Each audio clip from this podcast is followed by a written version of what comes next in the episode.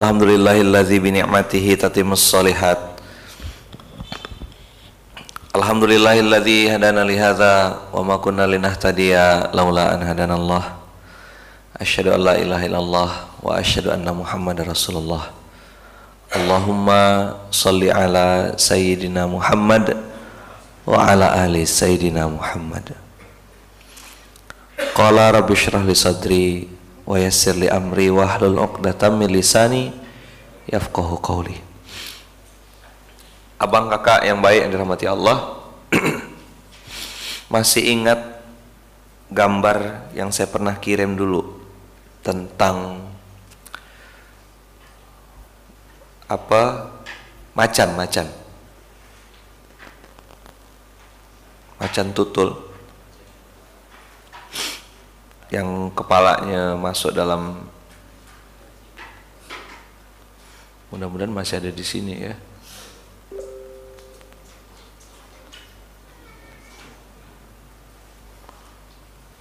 Kalau tidak salah saya masih saya simpan di sini.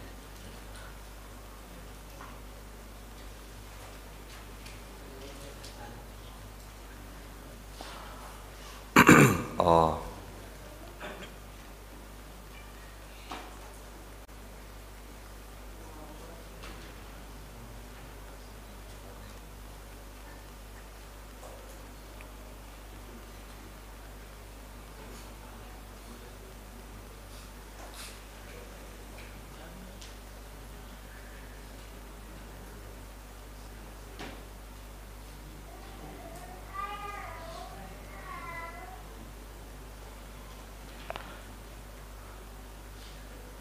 Bentar.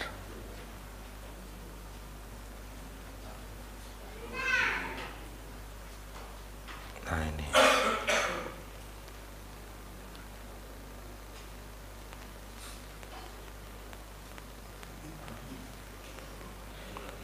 Bisa dibuka nak?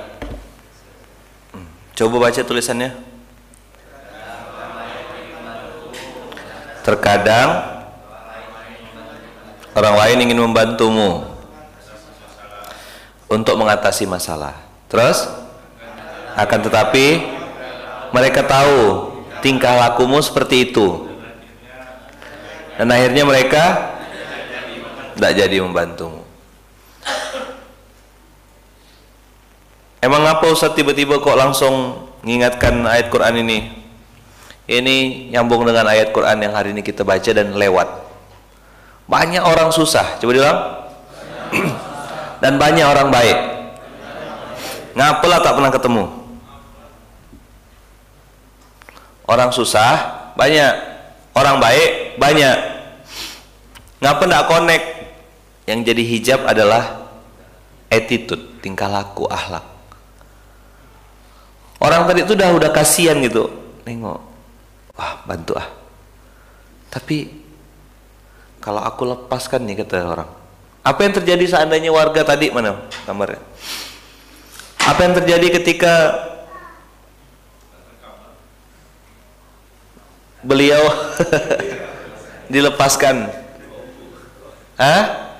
Baca doa dia Allahumma barik lana fima razaqtana wa qina adzabannar. Up kata dia. Mikir orang SOP sebelum makan dia. Ya karena macam mana mau nolong binatang kayak gini gitu. Ah, masuk tuh ah, adiknya.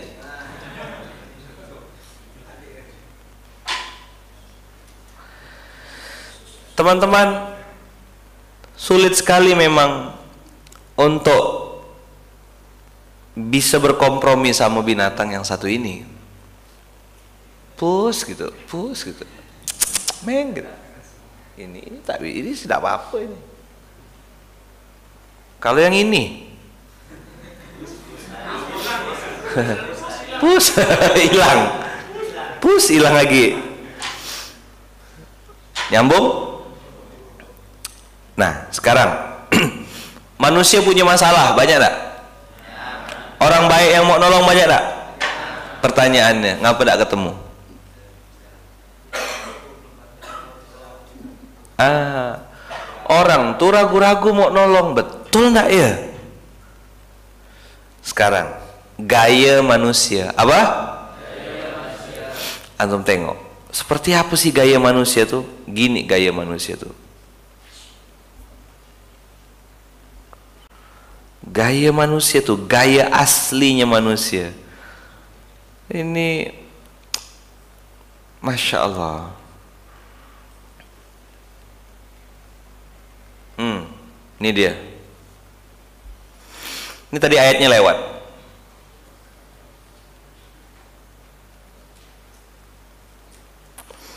A'udzu billahi minasyaitonir rajim. Bismillahirrahmanirrahim. 3949.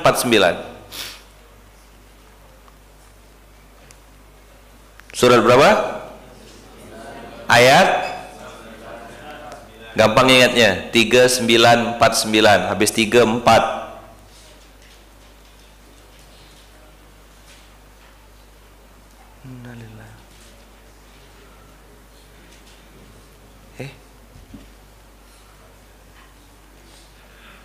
Innalillahi wa inna ilaihi raji'un. Tar tar tar.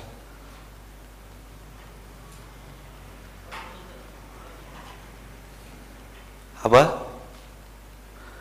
Enggak, sebentar.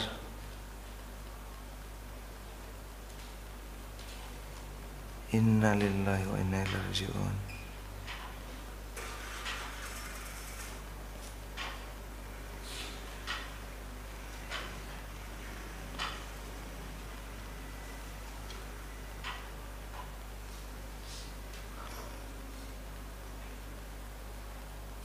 Masya Allah Mohon doanya ya teman-teman ya. Ini Sahabat saya, saudara saya Teman seperjuangan Dulu di Malaysia.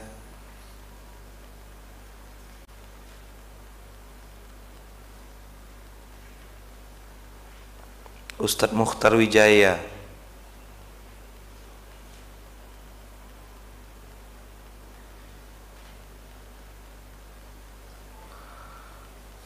meninggal dunia. Innalillahi wa inna ilaihi rajiun. Kita doakan dulu ya untuk Ustadz Mukhtar. Habis nanti ingatkan saya sholat goib ya. Ustadz Mukhtar ini penulis buku BMW pernah ke Pontianak ke Monzalan tempat kita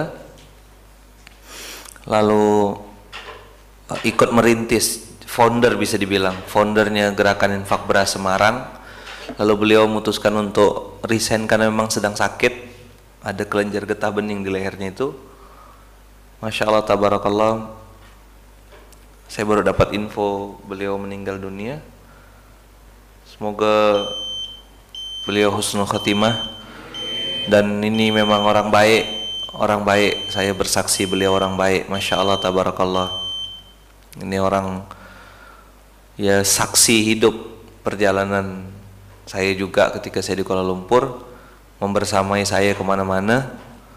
Jadi salah satu kader dakwah yang sangat militan ya sama Islam gitu. Luar biasa semoga kita doakan paskas-paskas Jogja dan sekitarnya tolong merapat ke Semarang ya.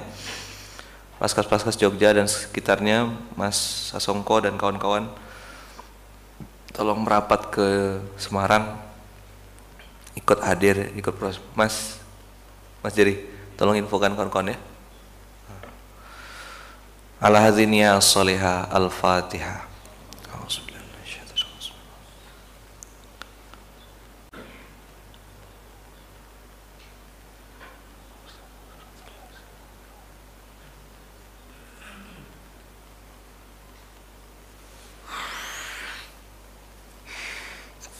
Amin, amin, Allahumma amin.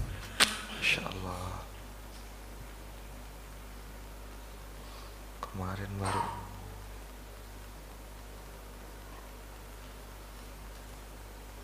Ntar ya.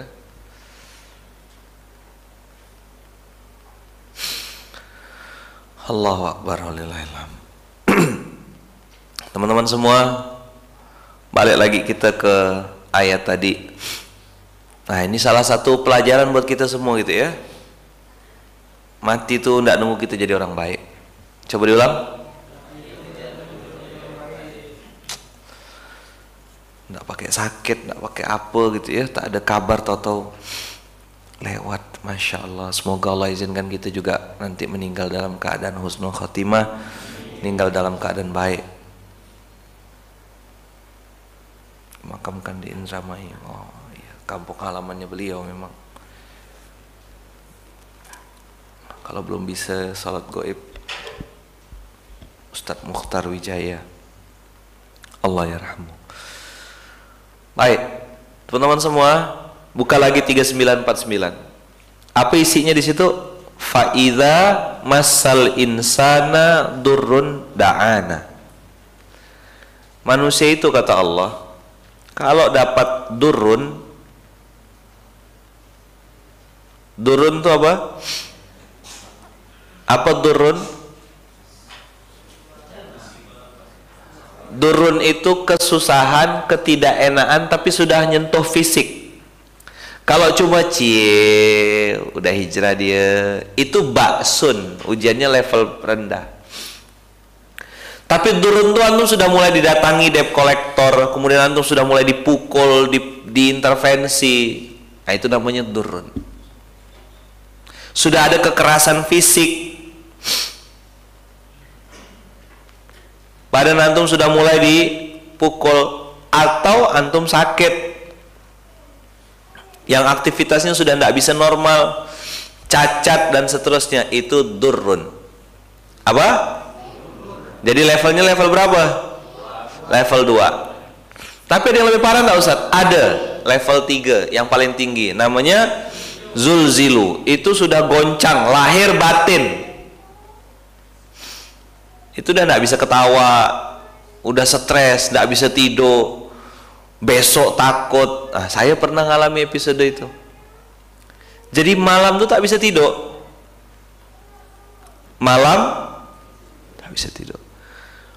Pagi-pagi kayak gini nih bangun nih otak tuh mikir siapa lagi yang mau aku pinjam ya? Siapa yang mau aku datangi ya? Siapa kira-kira yang bisa minjamkan duit ya? Karena kan maka saya sering bilang karena ada yang lebih sakit daripada jatuh cinta namanya jatuh tempo. Itu saya ngalami. Bukan ngomong-ngomong bergurau-gurau terus nyindir-nyindir enggak.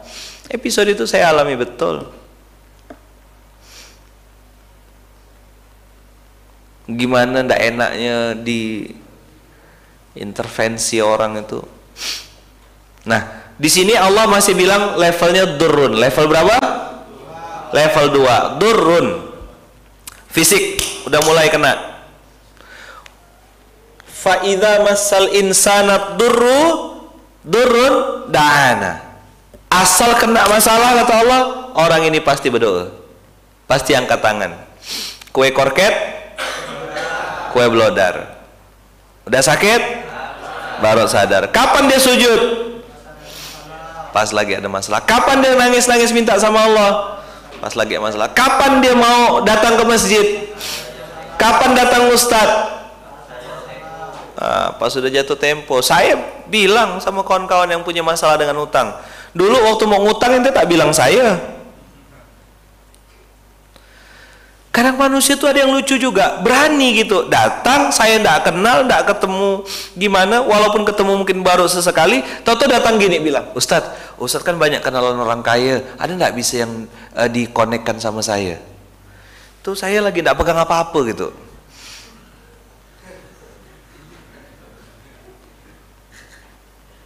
Seandainya saya lagi pegang satu kelempang, lah gitu lah. Pang gitu.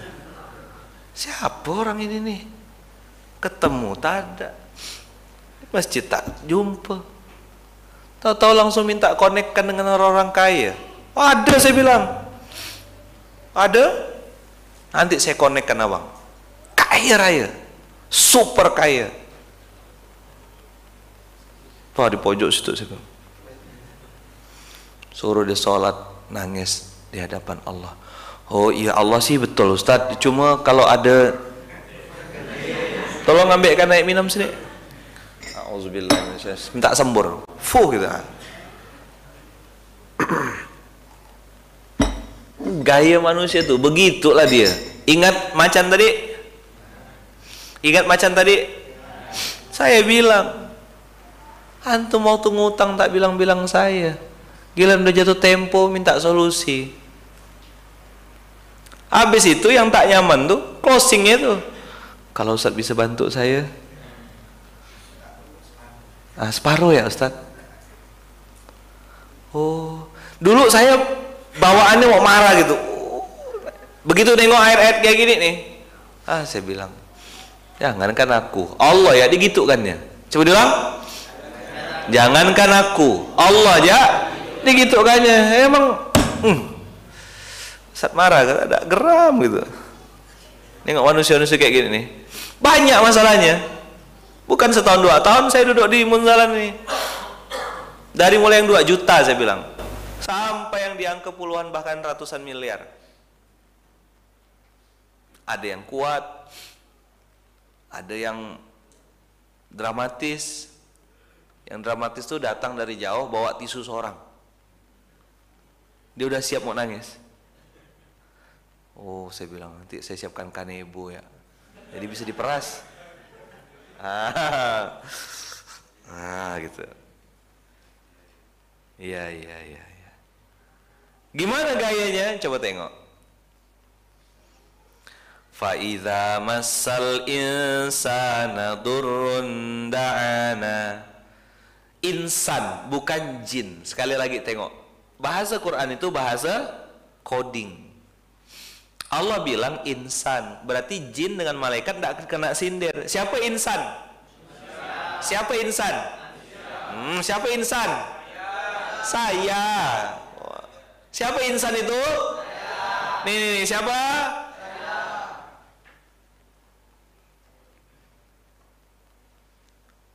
Kalau lagi punya masalah kata Allah ditimpa marah bahaya, da'ana dia pasti datang kepada kami kata Allah. Thumma lalu idza khawalnahu ni'matan minna kalau udah selesai masalahnya closing deal lunas tembus Kola tiba-tiba dia ngomong apa dia bilang? Innama, ayo sama-sama. Utituhu ala ilmin. Qala innama buka-buka mulutnya. Qala innama utituhu ala ilmin. Apa dia bilang? Aku bisa begini. Mana utang kita? Berapa miliar? Oke, kita coret-coret. Tak ketemu. Apa yang nak dicoret? Nyambung tak? Mentok sales. Pakai lagi cara lain. Oh kita panggilkan konsultan ini. Panggilkan coach coach Hotahe sini. Coach coach hu tahu uh, tahu terbalik. Uh, tahap apa lah pokoknya. Tak ada selesai gak kenapa teman-teman? Karena yang dicari manusianya. Padahal kalau itu disebut sebagai ujian harusnya kita tanya sama panitia ujiannya siapakah panitia ujian itu Allah Rabbul Alamin. Kira-kira panitia ujian tuh besok antum ujian tuh punya kunci jawaban enggak?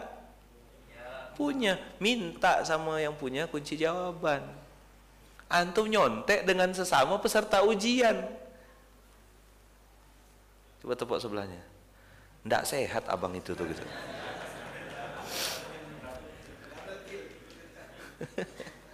abang itu sehat tak? Ndak sehat abang itu kurang piknik kayaknya. Coba tepuk sebelahnya bilang. Kok mirip sama antum ya ya gimana antum punya ujian? Antum punya ujian. Lalu nanya sama sesama peserta ujian. Yang sabar akan dengarkan. Oh gitu. Oh gitu. Oh gitu. Yang temperamen yang model-model tipe-tipe senggol baco. Tahu senggol baco? Asal disenggol pup baco.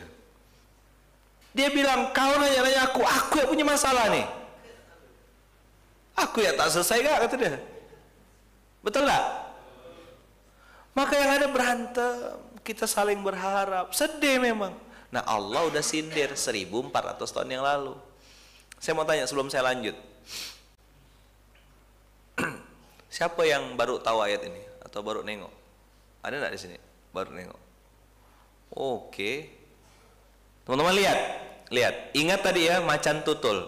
Jadi begitu nengok macan tutul, tengok ke diri sendiri. Kira-kira aku ini tipe macan tutul enggak ya? Gitu. Apalah alasan orang ini mau nolong aku nih? Apalah alasan Allah mau bantu saya? Kan tidak perlu saya tanya satu-satu ini punya masalah enggak gitu dari cara antum duduk rajin datang SMK nampak antum lagi punya masalah. Cuma ada yang agak berat. Ada yang masih biasa-biasa. Ada yang masalahnya biasa tapi lebaynya tinggi gitu kan. Masih ke masjid ya masih bagus. Masih bertahan. Tengok ya nanti. Udah sebulan dua bulan. Hilang kawan. Jadi kok gitu Ustaz? Saya ini udah 9 tahun di sini ketemu dengan ribuan manusia. Macam-macam. Eh situ konsultasinya situ depan pintu di belakang sana bawa istri depan Quran. Alhamdulillah tidak jadi cerai akur. Habis itu udah hilang tak tahu ke mana. Pindah planet. Ustadz doakan Ustadz ya semoga uh, ini utang saya lunas uh, apa ruko saya laku. Ya bu. Doakan ya. Santri-santri sini kumpul doa. Fatihah. Laku. Hilang. Tanpa jejak. Sakit hati saya? Udah biasa sejak TGM tak ada gak macam mana bantu alhamdulillah. Tidak ada masalah. Tapi saya sebagai muslim sudah menunaikan amanah. Sudah menjalankan tugas saya sebagai muslim yaitu mendo doakan. Selesai. Dah. Antum lihat lagi. Qala innama utituhu ala ilmin. Sesungguhnya aku diberi nikmat itu karena kepintaranku. Oh, mantap tak? Pegang kepalanya. Astagfirullahaladzim. Bisa dia ngomong gitu. Antum bisa bayangkan tak? Ada orang datang ke antum nangis-nangis, ngerengek-ngerengek. Tolonglah bang, tolong bang, bantu saya bang. Bantu saya bang, bantu saya bang selamatkan hidup saya bang oh gitu kan dramatis nih. Antum bantulah. Oke pasukan guys. Support semuanya support. Begitu berhasil ditanya pak apa rahasia suksesnya pak? Ya ini karena kepintaran saya karena antum kalau bawa stick golf kira-kira dia apa kan? Hah? Jadi kan dia bola sodok tang gitu. Banyak ada manusia kayak gini. Banyak tak manusia kayak gini? Hah? Banyak. Kasih ubi rebus Ustaz. Oh iya betul. Masukkan dari hidung. Kejam enggak Ustaz? Tak ada. Teman-teman, gimana Allah mau tolong manusia gaya-gaya kayak gini nih? Maka kira-kira yang pantas dia jalani dalam kehidupannya hari-harinya apa? Masalah pasti Allah akan kasih siklus lagi. Tadi cuma budget-budget 30 juta. Naik jadi 300 juta. Naik lagi 3 miliar. Naik lagi 30 begitu terus hidupnya. Dia hanya ada siklus yaitu dari masalah selesai masalah lagi selesai masalah lagi selesai masalah lagi. Sampai mati. Takdirnya begitu. Ustaz doakan ke? Enggak, begitu memang siklusnya dalam Quran. Antum tengok nih.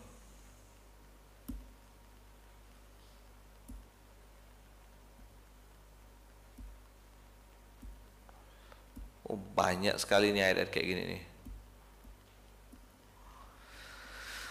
Tapi yang paling ngeri memang Nah, sebentar, sebelum saya tadi lanjutkan, ingat tadi yang saya bilang Qala innama utituhu ala ilmin Dia bilang apa tadi? Saya melakukan itu karena kepintaran kepintaranku. Kalau orang Melayu bilang kepintaran tuh maknanya lain.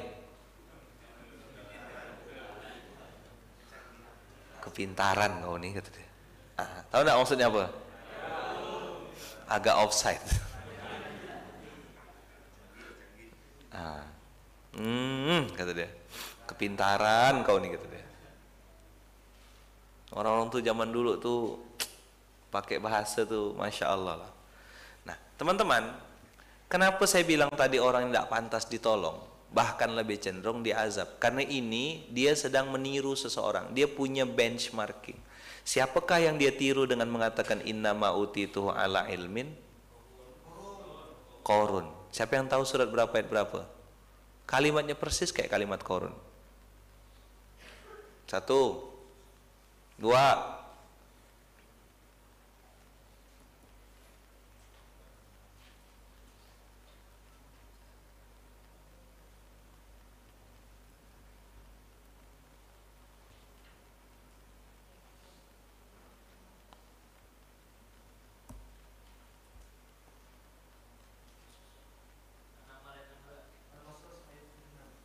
Hmm? Al-Qasas 28 ayat 78 Dapat? Abang-abang yang di Facebook yang di Instagram juga di YouTube coba lihat ayat 78. Qala ya.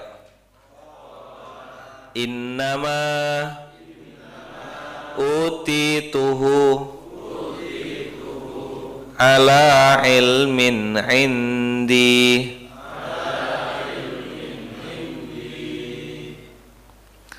Korun berkata Aku bisa sukses kayak gini nih Bisa berhasil nih karena ilmu yang ada padaku. Itulah orang-orang yang hari ini sedang kelimpungan dengan bisnisnya. Sedang babak belur dengan usahanya. Ngelawan makhluk yang tak nampak. Dia bilang corona, dia bilang resesi, dia bilang krisis moneter Ngapa ikan arwana sama kepiting masih bisa hidup? Oh beda lah Ustaz, apa bedanya? Sama-sama makhluk Allah. Saya punya sahabat teman-teman saya yang justru saat corona ini omsetnya meledak berkali-kali lipat. Boleh kita nyalah-nyalakan? Saran saya jangan. Jangan nyalahkan keadaan. Orang banyak yang dapat rezeki sekarang ini, lagi berlimpah-limpah rezekinya. Ada sahabat kita jualan bakwan, satu hari bisa jual sampai 7000 bakwan tuh gimana ceritanya? Tuh bisa bayangkan kayak apa gorengnya? Karena orang tidak keluar rumah, orang nyemil. Akhirnya nyemil bakwan. Mahal lagi bakwannya, 2500. Satu hari bisa sampai 7000 penjualannya, 7000 bakwan. Keren dah. Kata orang tidak keren. Jual bakwan. Apa bisnis kau bro? Jual bakwan. Oh, tapi bakwannya 2400 kali 7000 ah, berapa tuh banyak hmm, cerdas antum udah tak kuasa dan ngitung berapa tuh Bang Jer Hah? Hah? Dua setengah kali tujuh? Tujuh belas? Sehari? Mak, apalah tak mantap itu? Satu bulan? banyak. Ada. Gini lah tingkah laku manusia nih hmm? 500 setengah M jual bakwan. Sebulan. Ah mulai nak jual bakwan nggak supaya viral bakwan antum pakainya udang galah jangan udang ebi. Iya yang besar tuh udangnya daripada bakwannya oh Rangga langsung. Ah itu ada bakwan di balik udang.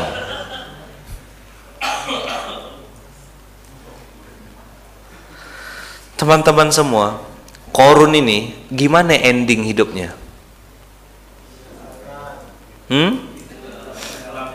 ditenggelamkan hilang enggak hartanya dianya istananya Nah, beginilah kira-kira nasib orang-orang yang kalau ditanya gimana Pak tips dan rahasia suksesnya? Ya ini karena kemampuan saya dalam memanage tim, kemudian ini keahlian kita begini-begini. Saya sih tidak doakan, tinggal nganggu-nganggu ya. Hmm. Rekam, kasih tanggal. Tanggal berapa dia ngomong nih? Ah, tunggu nanti. Tak lama datang kawan. Ustaz, saya dah bawa tisu tak nyangka Ustaz apa orang yang saya percaya ternyata ngambil duit saya hmm. Kemarin bilang ilmu manajemen. Kemarin bilang kemampuan dalam memanage manusia.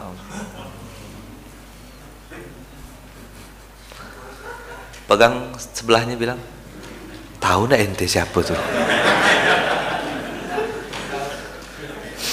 Kok makin pagi makin sakit gitu. Dia bilang? Tepuk sebelahnya bilang siapa yang dimaksud ustadz nih?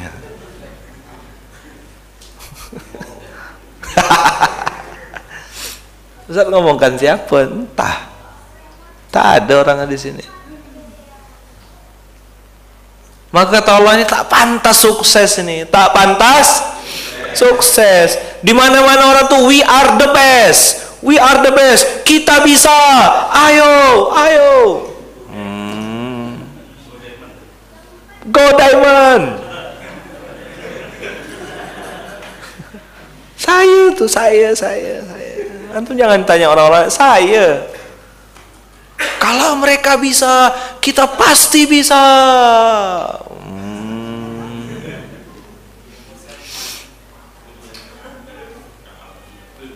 Kita adalah pejuang keluarga. Kata malaikat, iya ke? Tiga tambah satu, ada duit tak tu?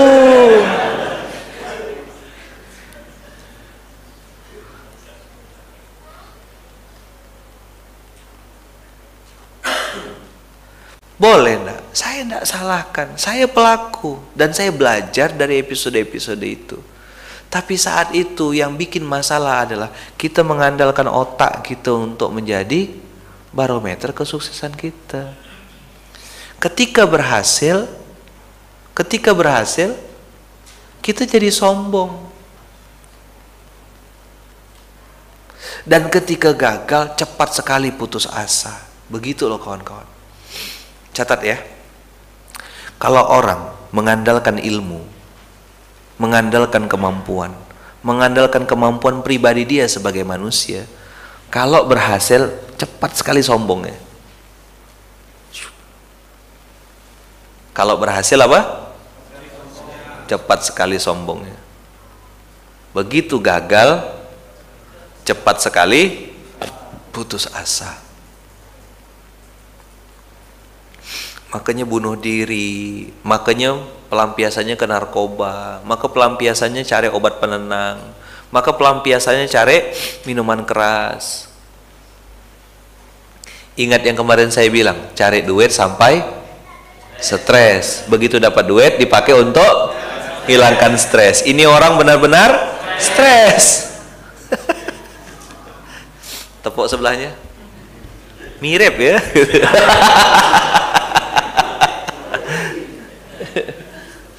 cari duit sampai stres. Udah dapat duit? Ngilangkan stres. Ke mana bro? Lagi ngilangkan stres. Wah. itu semut kepiting sama ubur-ubur tuh satu-satu ketawa gitu loh. Tungau tuh sampai guling-guling. Tungau. Ah cobalah. Sampai tungau pun guling-guling juga kalau berhasil sombong. Gagal putus asa. Cari duit sampai stres. Udah dapat duit ngilangkan stres. Ini orang tapi lagi sebelahnya bilang mirip ya. Coba tanya kenal nggak? Gitu. Kalau belum kenal coba kenal Allah dulu. Ah. salaman sama suaminya bilang itu itu saya.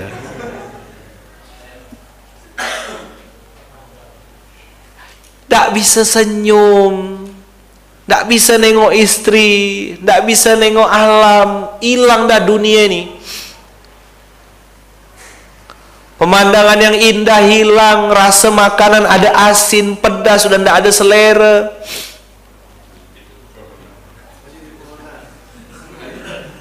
Apa?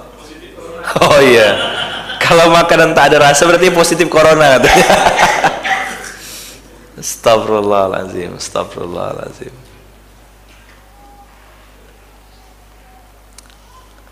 Kemarin ada salah satu cerita dari sahabat kita. Siapa cerita? Oh, Bung Ben.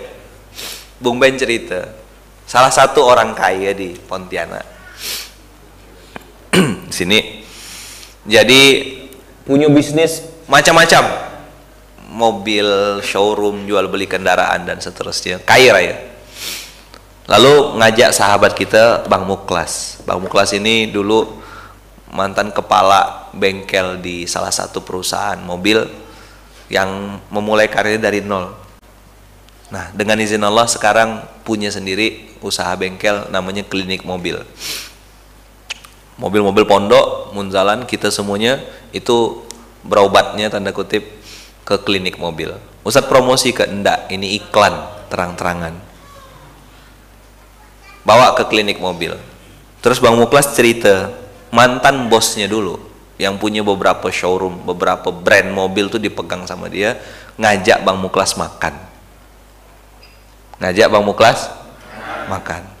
Tujuannya mau narik lagi Bang Muklas supaya gabung sama dia untuk pegang bengkelnya dia. Begitu makan, Bang Muklas kan pesan, pesan lo ini, pesan lo ini, ini, ini, ini, udah siap.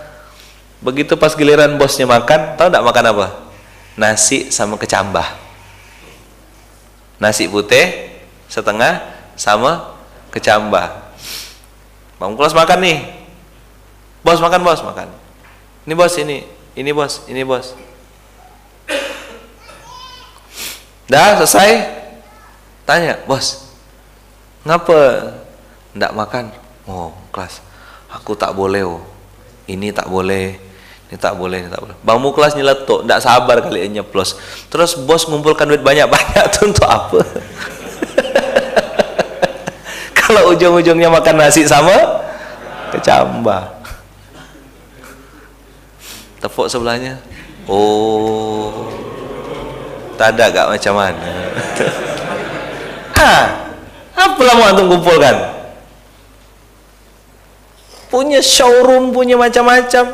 Kaya katanya. Makan kecambah nyaman kita. Ah, bisa angkat kaki. Mana budak? Tancap. Angkat kaki boy. Oh, sedap sekali. Nambah gitu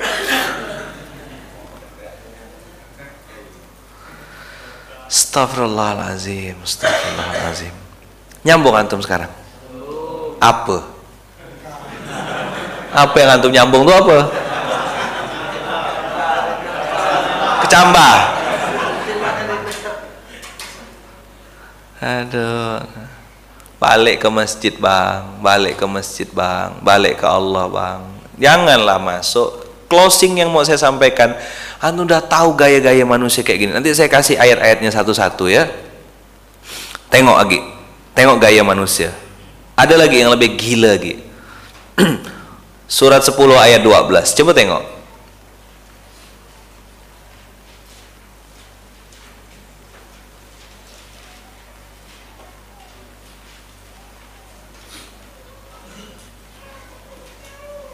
Masya Allah yang nonton ramai Facebook 200 ribu 200 200an IG 350an YouTube 500an penonton virtual tahu kenapa yang nonton ramai kan lagi punya masalah ramai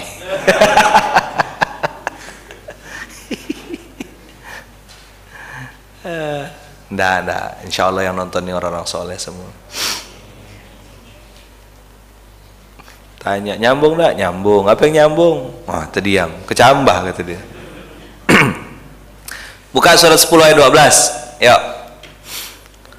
Wa idza massal insana durru da'ana. Yuk, 1 2 3.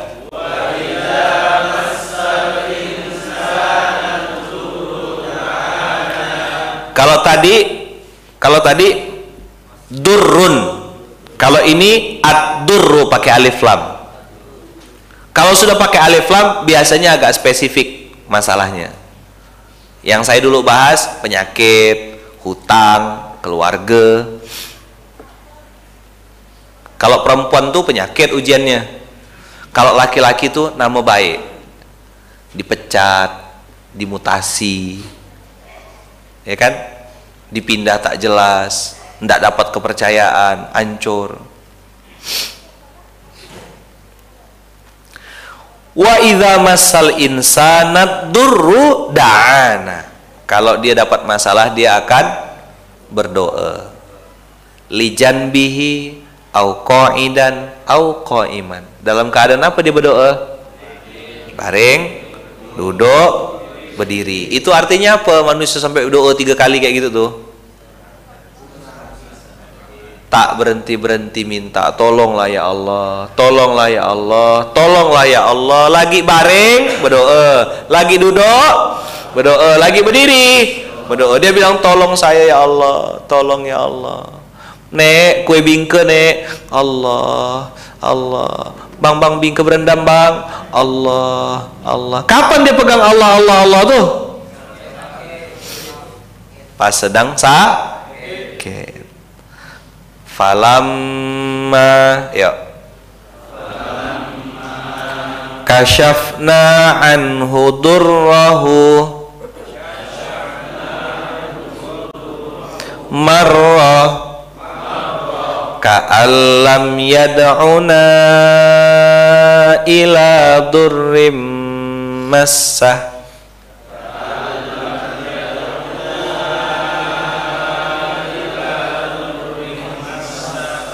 Ini ayat penting, ini ayat penting. Saya berharap antum niatkan hafal, mudah-mudahan bisa hafal benar-benar.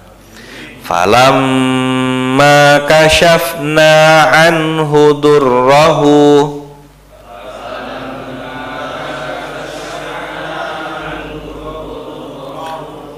marra ka'allam yad'una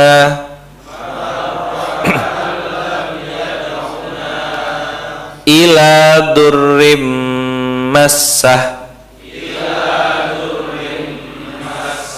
Kita ulang dari falamma kashafna anhu durrahu.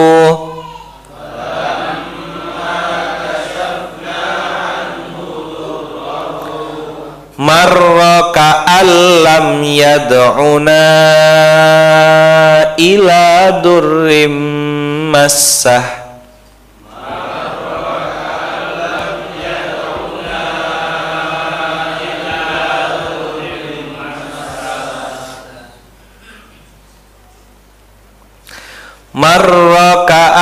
ka'allam yad'una ila durrim massah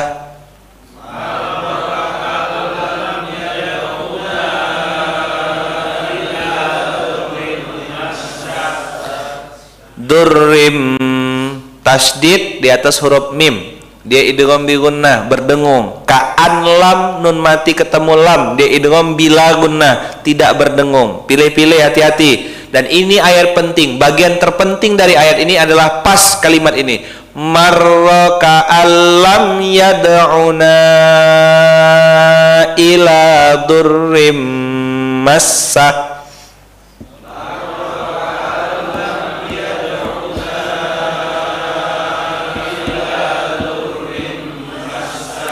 Mantap.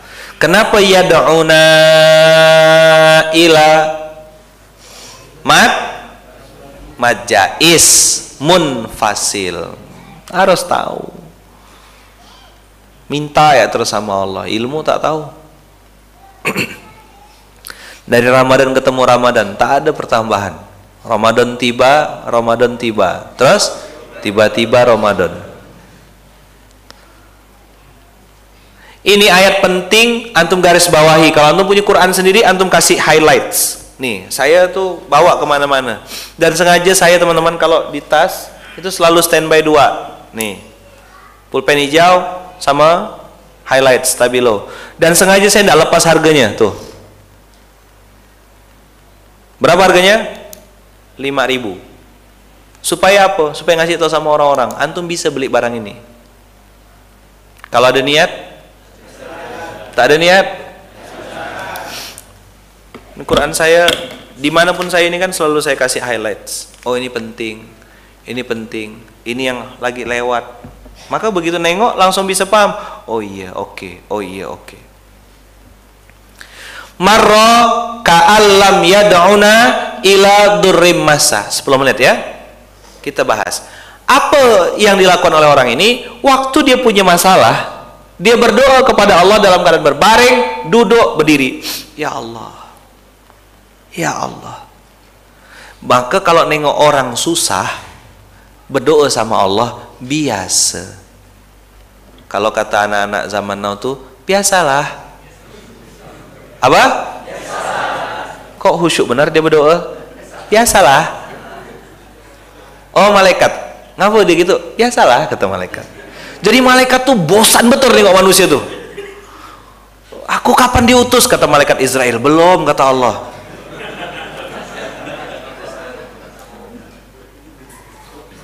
Yang ini nih Allah baru motor baru katanya. Nanti lo.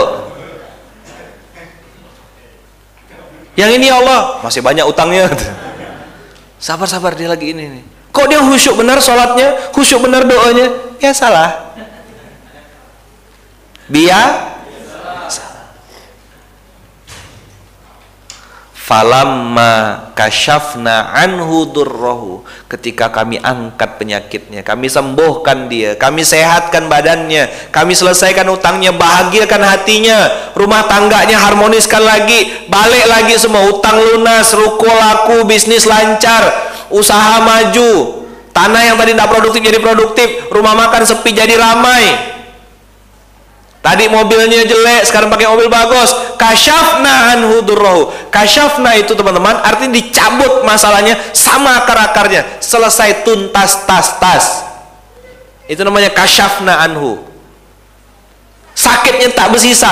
Harusnya kemoterapi, harusnya itu di amputasi begitu di scan tak ada sisa sama sekali tanya betul ke ini? Betul pak. Tidak ada sisa apa pun. Sedikit pun? Tidak ada. Di scan berkali-kali. Cari rumah sakit kedua scan. Hilang. Kasyafna anhu durrohu jadi kalau pakai bahasa Arab tuh teman-teman, dalam sekali maknanya. Tidak bisa sekedar diterjemahkan. Setelah kami hilangkan bahaya itu daripadanya, kasyafna itu dicabut sama akar-akarnya. Selesai teman-teman. Sehat walafiat. Kalau sakit, utang lunas nas tanpa ada tuntutan apa pun, tidak bersyarat apa pun. Kasyafna anhu durrahu. Nyambung? Yuk baca lagi. Falamma kasyafna anhu durrahu marra marra apa artinya marro yamuru marro yamuru itu kalau bahasa Indonesia-nya belenggang kangkung tadi ayah anda Abbas datang masuk agak nunduk. Permisi. Salam. Itu namanya masyayamshi jalan. Tapi kalau marro itu ini ada orang-orang kita lewat terus kita tidak negor-negor gitu. Melengos ya gitu. Lenggang kangkung. Ada orang banyak duduk di sini. Bukannya salam atau mungkin kasih tanda misi pak misi pak permisi ya Pak. Enggak, ini berjalan marroka alam yad'una kata Allah. Udahlah jalannya berlenggang dan dia berlenggang seolah-olah dia tidak pernah berdoa kepada kami. Orang kayak gini kira-kira enaknya dia apa kan? Hah? Disunat, masya Allah. Garang antum nih. Lulusan kesehatan gak tuh nih? Apa kira-kira bang? Orang kayak gini bang? Diekspor ke Samudra Atlantik. Nah, letakkan di sana, biarkan. Marro ya murru belenggang kata Allah. Kalau belenggang saja sudah tidak sopan. Salah ini kan ada bapak-bapak yang umurnya lebih tua daripada saya. Saya masih muda pak, jauh di bawah bapak. Terus lewat tuh ngelangkah-ngelangkah gitu ya Ada bilang bismillah, tidak bilang permisi, tidak ada. Pokoknya ngelangkah gitu. Itulah marro namanya. Marro saja berdiri sendiri dan tidak sopan. Apalagi ka'alam yad'una ila durrin mas'ah. Seolah-olah kata Allah dia tidak pernah berdoa sama kami. Antum bisa bayangkan kayak gimana Allah tuh sabarnya sama kita. Pertanyaan selanjutnya, kitakah yang dimaksud ayat ini? Saya waktu pertama kali baca ayat ini mau nggak nangis juga dengar cerita ini dari Ustaz Yusuf Mansur. Beliau bacakan ayat ini nangis saya sesengguhan. Ya Allah itu aku. Itu aku. Dan saya tidak nyalakan siapa pun, tidak nyalakan istri, tidak nyalakan pasangan, tidak nyalakan partner bisnis dan seterusnya. Saya bilang ini yang disebutkan Allah dalam Quran itu aku. Kok bisa anak pesantren, alumni gontor, kok ninggalkan Quran? Kok bisa alumni gontor yang katanya ustadz, sholatnya zuhurnya setengah tiga, asarnya udah dekat-dekat maghrib. Aku nih ya Allah, begitu saya marah sama diri saya sendiri. Masa lima tahun di Kuala Lumpur tak pernah pegang Quran. Marah saya sama diri saya sendiri. Bersumpah saya. Ingat benar saya momentumnya tuh. Pas mau di rumah saya itu ada tempat cuci piring. Samping bak rumah mama tuh di situlah saya marah sama diri sini sambil main air. Saya siramkan ke muka saya saya percek percekkan bodoh bodoh saya ngomong sama diri sendiri. Bodoh sekali. Kau ngapa selama ini? Nah di situ saya berazam. Di situ saya berazam. Saya bilang ya Allah saya salah ya Allah saya salah. Habis itu saya cari duit yang saya punya. Pelan-pelan terkumpul duit-duit receh 10 ribu, 20 ribu, terkumpul duit waktu itu masih ingat saya 37.500. Berapa? 37.500 dengan duit segitu saya tahu kalau ke toko yang ada di mall, toko buku yang ada di mall tidak akan cukup duit saya, maka saya pergi ke toko buku Menara di Pasar Tengah. Saya belikan Quran warna oranye. Masih ada saya simpan sampai sekarang.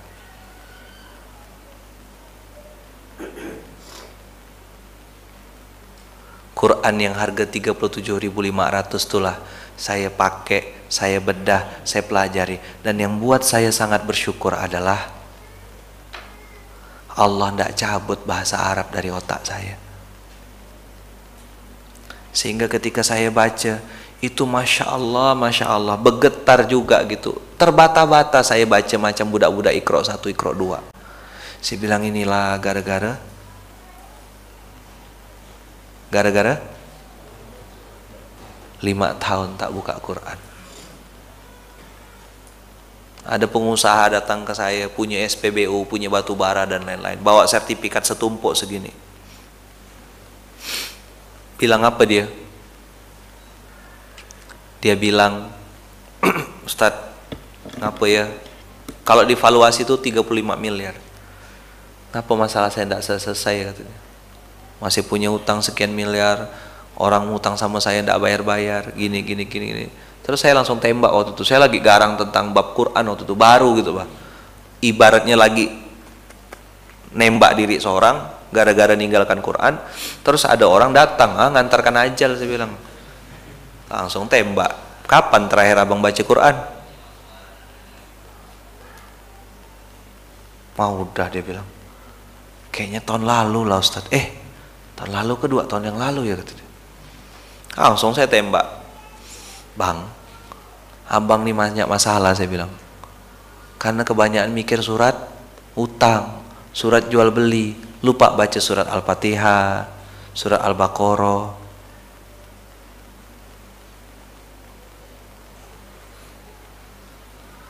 Surat an-nas. Saya ambilkan Quran, saya suruh dia baca. Coba baca bang, terbata-bata, tak bisa baca. Saya langsung tegur waktu itu, bang, saya bilang. Ketika kita tak punya hubungan baik sama Quran, bang. Kita tidak akan pernah bisa punya hubungan baik dalam kehidupan ini. Saya punya pengalaman bang ninggalkan Quran.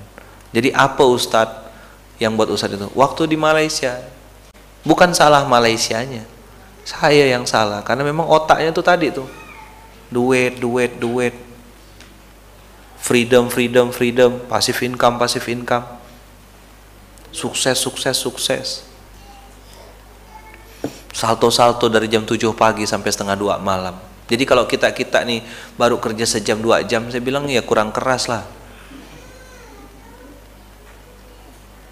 Saya udah pernah ngalami episode kerja dari jam 7 pagi sampai setengah 2 malam. Maka saya sekarang tidak mau lagi tidur malam-malam. Habis isya dah tidur dah. Sibuk cari duit, salto sana, pinjam duit sama si fulan ini sama ini. Dunia ya terus. Dan saya ketemu sama orang-orang yang kayak gitu. Tak ada macam mana. Badan kurus, mata cekung. Gaya ya, saya lagi ngurus tender ini saat lagi ngurus proyek ini nah mati saya urus lah tuh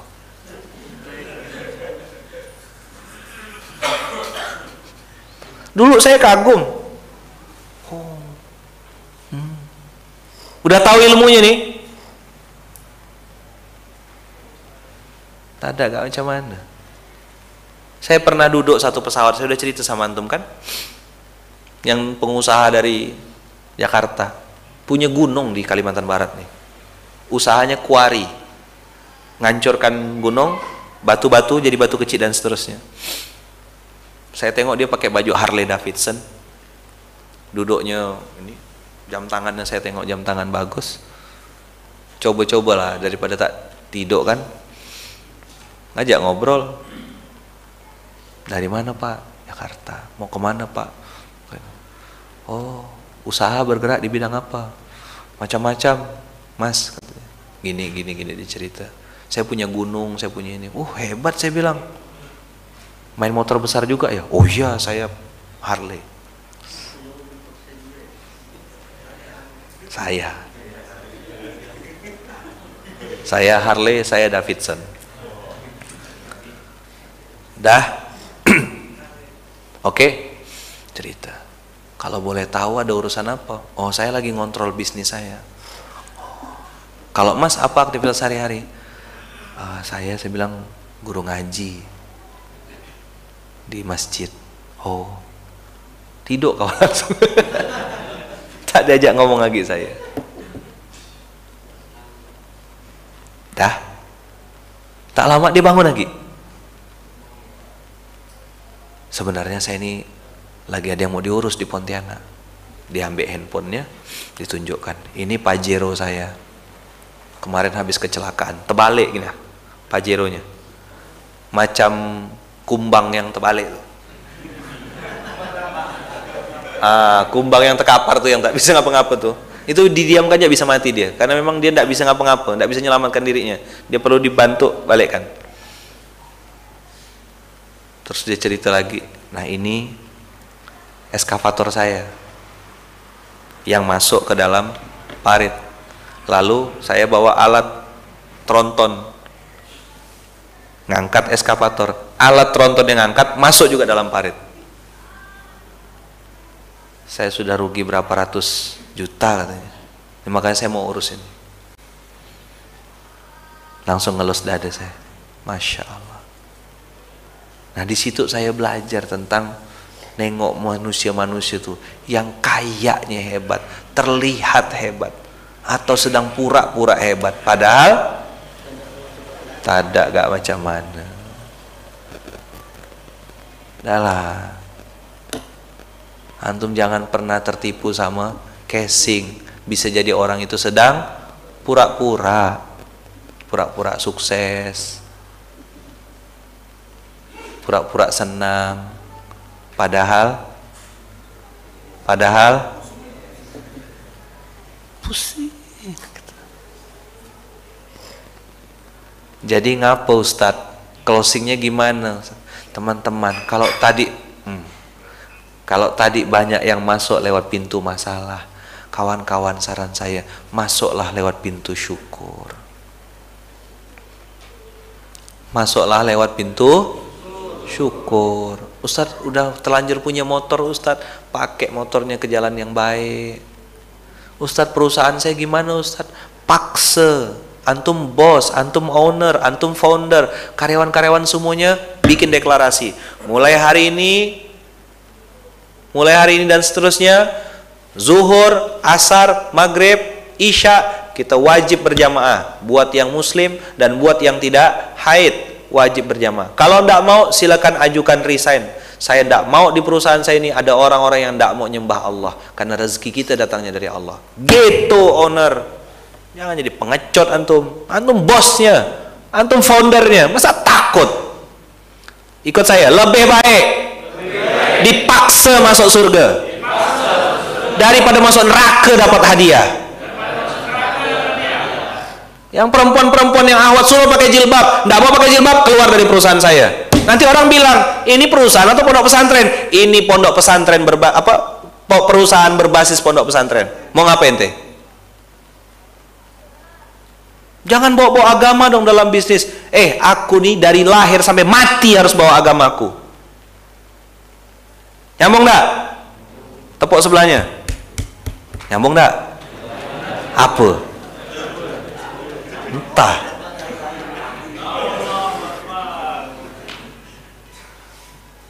Orang-orang tak jujur, orang-orang tak sholat, orang-orang tak nyembah Allah. Masa mempertahankan di dalam? Dialah yang bocorkan perusahaan antum. Tahu nggak? Kapal itu tenggelam, kapal besar itu tenggelam, bukan karena yang bocorkannya lantai satu terus yang tenggelam lantai satu bos.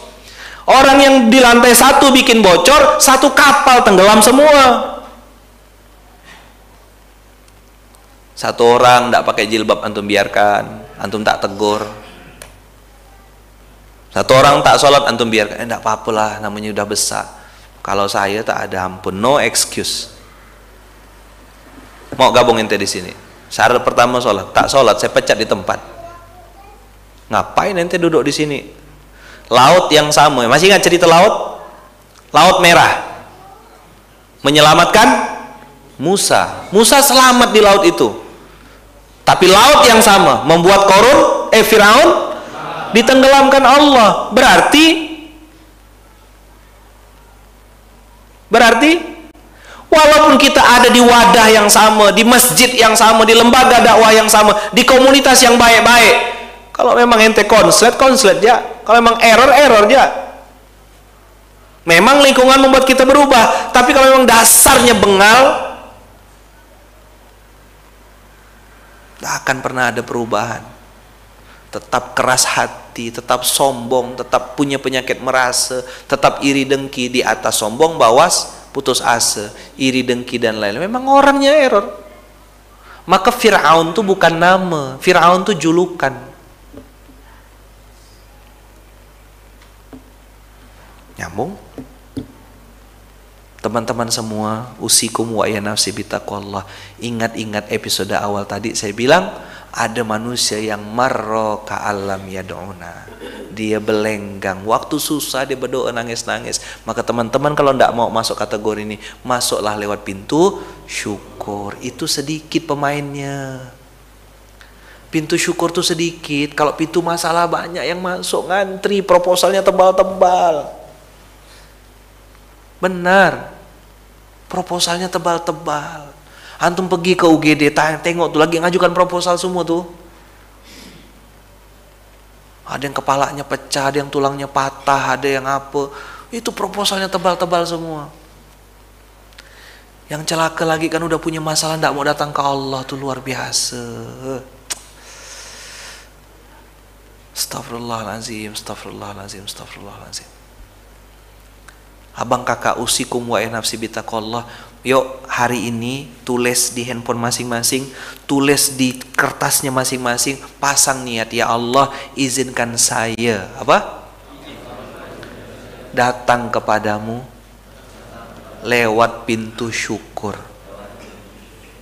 Tulis masing-masing. Antum jadikan status boleh antum kirim ke grup keluarga antum kirimkan ke istri kirim kalau udah punya istri keluarga bilang sayang istriku tercinta mari kita mulai.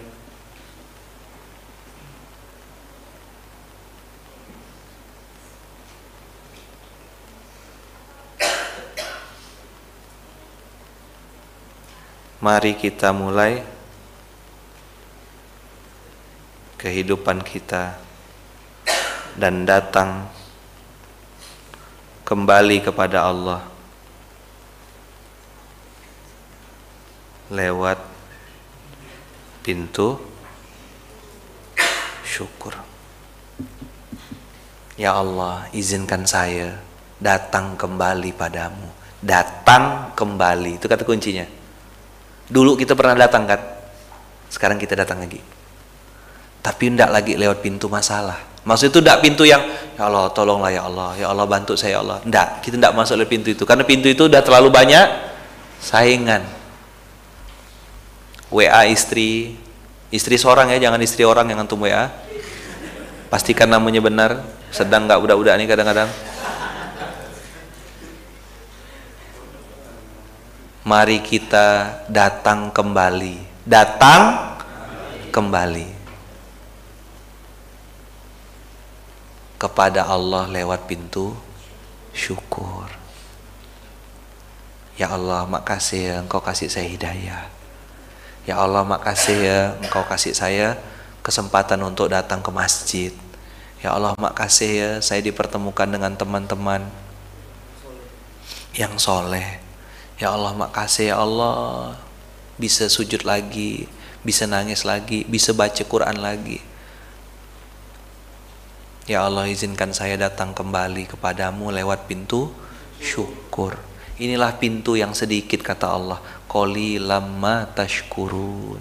Sedikit sekali yang bersyukur. Maka nanti teman-teman kalau udah kayak gitu beramal solehnya, berdagangnya, berusahanya pasti semangat. Bang, ngapa bang? Naik motor bang, keliling-keliling bang. Ini bentuk syukur Ustaz. Bang, ngapa bang ke masjid bang? Bentuk syukur. Bang apa bang jum, nyumbang bang? Ini bentuk syukur. Datang kembali kepada Allah lewat pintu syukur. Itu ibarat kalau naik mobil, kita tuh sebelah kanan nyalip. Kalau pintu masalah tuh sebelah kiri. Lama kita mau nyalip mobilnya mepet-mepet gitu terus. Banyak saingan. Tapi kalau antum ambil pintu syukur, antum ambil jalur kanan, antum bisa nyalip, bisa shortcut bisa jalan pintas, bisa melaju lebih kencang insya Allah. Yuk, ya Allah, izinkan hamba, datang kembali kepadamu, lewat pintu syukur. Datang kembali, balik lagi. Doakan saya juga, doakan istri saya, doakan anak-anak saya, doakan kami semua, doakan pondok ini. Saya betul-betul minta doanya abang kakak. Tolong doakan saya, tolong doakan saya, tolong doakan saya. Saya insya Allah tidak berhenti juga doakan abang kakak. Kita datang ke Allah ramai-ramai lewat pintu syukur. Insya Allah dimudahkan Allah. Jadi pulang antum dari sini udah tahu mau ngapa kalau yang lain mengadahkan tangan minta minta minta minta antum masuk ke zona yang sedikit masuk ke zona yang tidak banyak saingan yaitu zona syukur. Makasih ya Allah engkau masih hidupkan saya. Makasih ya Allah engkau masih kasih saya kesempatan untuk taubat. Makasih ya Allah sebentar lagi mau Ramadan. Semoga saya bisa ngerasakan bulan suci Ramadan ya Allah. Masih panjang umur saya ya Allah. Masih bisa minta ampun ya Allah. Ini teman kita ninggal Tidak sampai Ramadan Makasih ya Allah. Jadi yang keluar dari mulut kawan-kawan, syukur, syukur, syukur, syukur, nikmat, nikmat. Yang Allah kasih, yang Allah kasih, yang sudah Allah kasih, yang udah Allah kasih. Terus itu yang diingat. Kira-kira Allah kasih hadiah nanti? Pasti. Ya Allah yang janji. Kalau manusia banyak bohongnya, tapi kalau Allah tidak pernah bohong. Datanglah lewat pintu syukur, datanglah lewat pintu yang sedikit, masuklah ke zona yang sedikit, jadilah yang sedikit. Siapa yang sedikit itu yang bersyukur. Masalah ada, ada, ada masalah kita. Tapi ketika kita datang ke zona yang sedikit, berkumpul sama yang sedikit, Allah cepat sekali tolong kita insya Allah. Sip? Oke.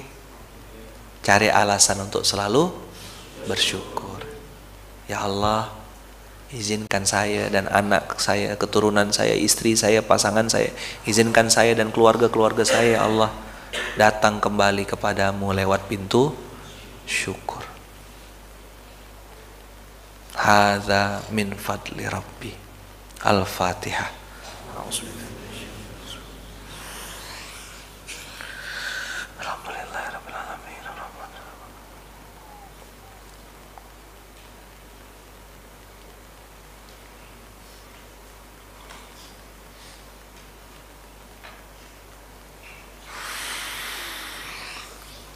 Amin, amin, Allahumma amin. Terima kasih banyak abang kakak. Kita tutup dengan hamdalah. Alhamdulillahirabbil alamin. Subhanakallahumma wa bihamdika asyhadu an la ilaha illa anta astaghfiruka wa atubu ilaik. Astaghfiruka wa atubu ilaik. Astaghfiruka wa atubu ilaik. Masya Allah, tabarakallah. Semoga Allah ampuni dosa-dosa kita semua ya bang kakak ya. Semoga kita diizinkan Allah untuk sampai di bulan Ramadan. Tinggal nunggu hari, tinggal nunggu hari. Mudah-mudahan Ramadan ini benar-benar jadi Ramadan terbaik kita. Mudah-mudahan Ramadan tahun ini lebih baik daripada tahun-tahun sebelumnya. Dan semoga kita bisa betul-betul datang kepada Allah sebagai hamba yang bersyukur di bulan Ramadan ini. Bersyukur, bersyukur, bersyukur, bersyukur, bersyukur, bersyukur. Datang kepada Allah sebagai bentuk syukur. Puasa kita bentuk syukur, Sedekah kita bentuk syukur. Kita nolong orang sebagai bentuk syukur. Apa pun ibadah yang kita lakukan dalam rangka bersyukur kepada Allah. Semoga Allah izinkan kita betul-betul bisa totalitas. Bukan hanya bulan Ramadan, tapi sesudah-sesudah Ramadan juga insya Allah. Terima kasih, jazakumullah khair, berkah selalu abang kakak. Semoga kita semua bisa saling juga bersaksi di hadapan Allah nanti. Amin. Allahumma amin. Terima kasih. Kita tutup dengan hamdalah. Alhamdulillahirabbil alamin. Subhanakallahumma bihamdika asyhadu an la ilaha illa anta astaghfiruka wa atubu ilaik. Bismillahi tawakkalna 'ala Allah.